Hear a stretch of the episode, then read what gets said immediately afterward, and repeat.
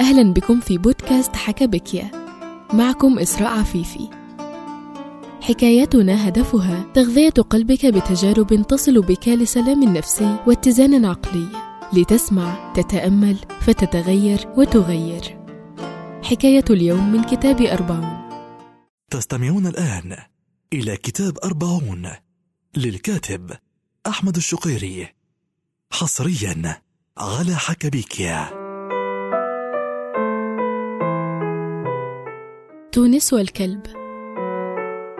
عام 1984 تقريبا ذهبت مع أهلي في سيارة إلى تونس وكان عمري 11 سنة.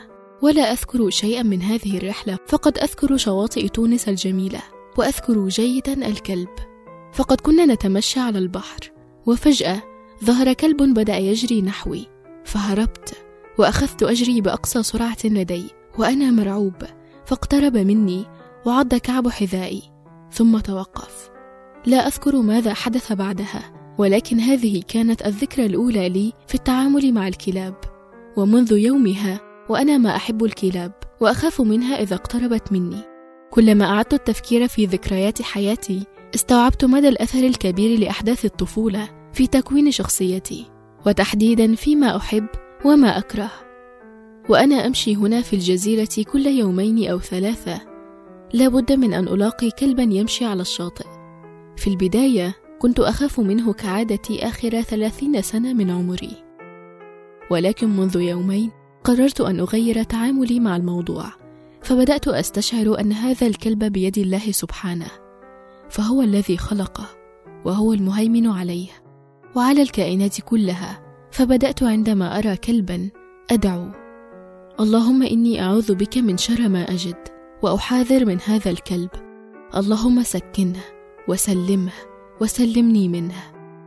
فوجدت سبحان الله الخوف تلاشى وفي كل المرات القادمة أدعو هذا الدعاء. فأجد نفسي ساكنة وأجد أيضا الكلب ساكنا وهادئا لدرجة أنه اليوم جاء بجانبي. فأخذت خشبة ورميتها بعيدا ليذهب ويحضرها. يعني باختصار أخذت ألعب معه. وهذا أمر ما كنت أفكر فيه أبدا في أن أفعله طوال عمري.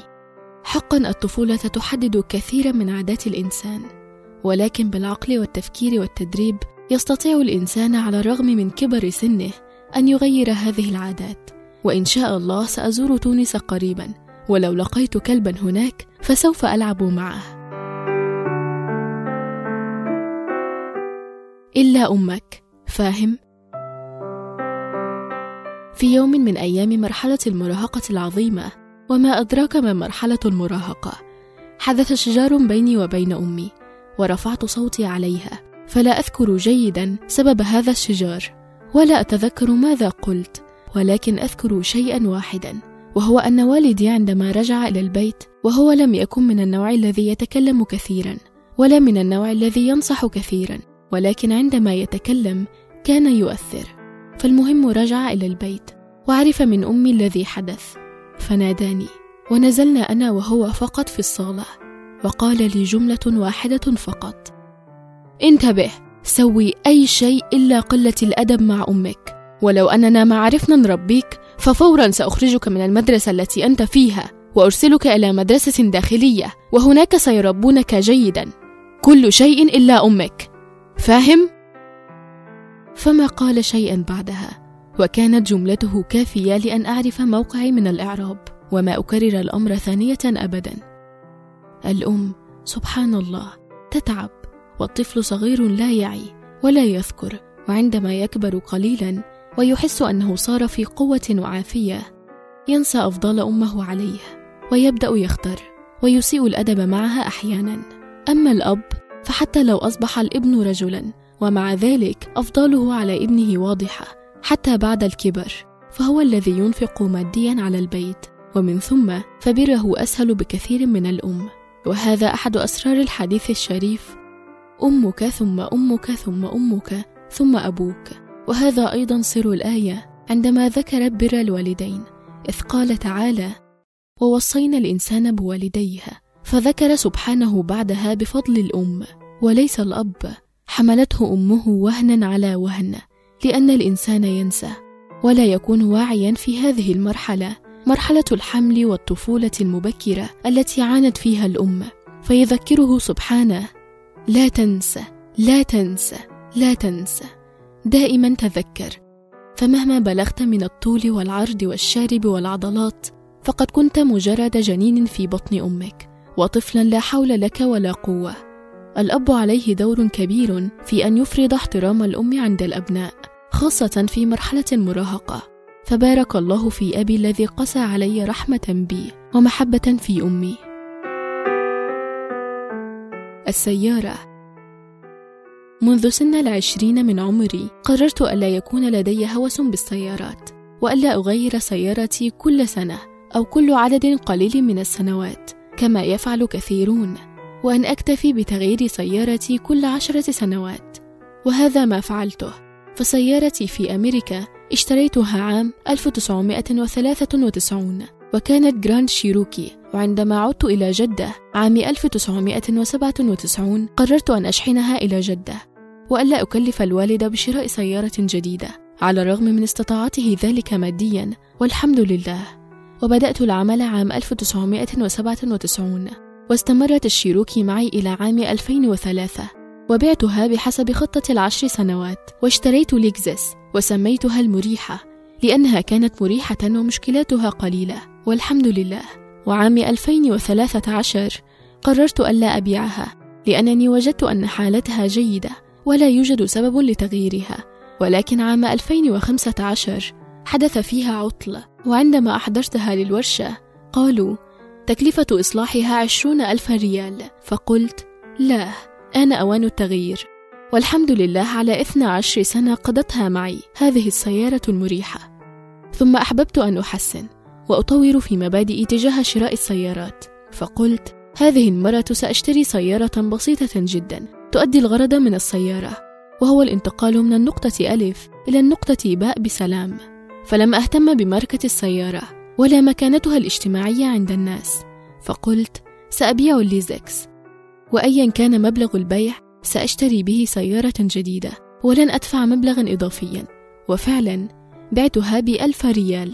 فقلت للأولاد ادخلوا على الإنترنت لتروا أي من السيارات بألف ريال. وبعد بحث وجدوا سيارة كيا صغيرة. فذهبت إلى المعرض واشتريتها في اليوم نفسه. دون ريب. فرولا والأولاد في ذهول وعدم اقتناع كبير بالقرار.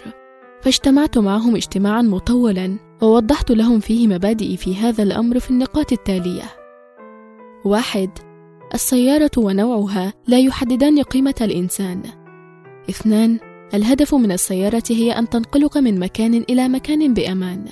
ثلاثة بحثت في الإنترنت عن مدى أمان هذه السيارة وكان تقييمها جيدا. ليس الأفضل ولكن جيد. أربعة. المال الذي سيوفر بدلا من شراء سيارة مرتفعة السعر سيوضع في الاستثمار لمستقبل العائلة. خمسة. يجب أن تعرفوا أن كل ما نوفره ماديا اليوم سيعني حياة أفضل غدا. فما زال أمامنا مصاريف تعليم الأولاد والجامعة وزواجهم وضمان تقاعد كريم لي ولرولا ومبلغ طوارئ في حال المرض عند الكبر والصدقات والتبرعات وإقامة الأوقاف. وهو أحد أهدافي إن شاء الله قبل الممات. كل هذه المصاريف تحتاج إلى تخطيط وهي مسؤولية أنا أتحملها عنكم وتستوجب قرارات لا تفهمونها اليوم. كان بإمكاني اليوم أن أذهب وأشتري رولز رويس أو بورش فعندي الإمكانية المادية والحمد لله. ولكن قررت ألا أفعل ذلك لسببين. أنها مجرد مظاهر ومتع زائفة. أن مستقبل العائلة أولى بفرق المبلغ بين السيارتين. الاستقالة. أبي بدأت حياته العملية في الستينات من القرن الماضي موظف في الخارجية السعودية وبحكم الوظيفة تنقل في سفارات سعودية عدة في دول كثيرة من ضمنها مصر ونيجيريا. وفي أحد أيام عام 1969 شعر بأنه لا يريد الاستمرار في وظيفة السلك الدبلوماسي فقرر الاستقالة وكان قرارا صعبا لأنه لم يكن لديه وظيفة بديلة وكان مسؤولا عن أسرة هي أمي وأختي فلم أكن ولدت بعد. وبعد الاستخارة والاستشارة قرر أن يفتح تجارة خاصة به في جدة. قرار مصيري غير مجرى حياة الأسرة بالكامل.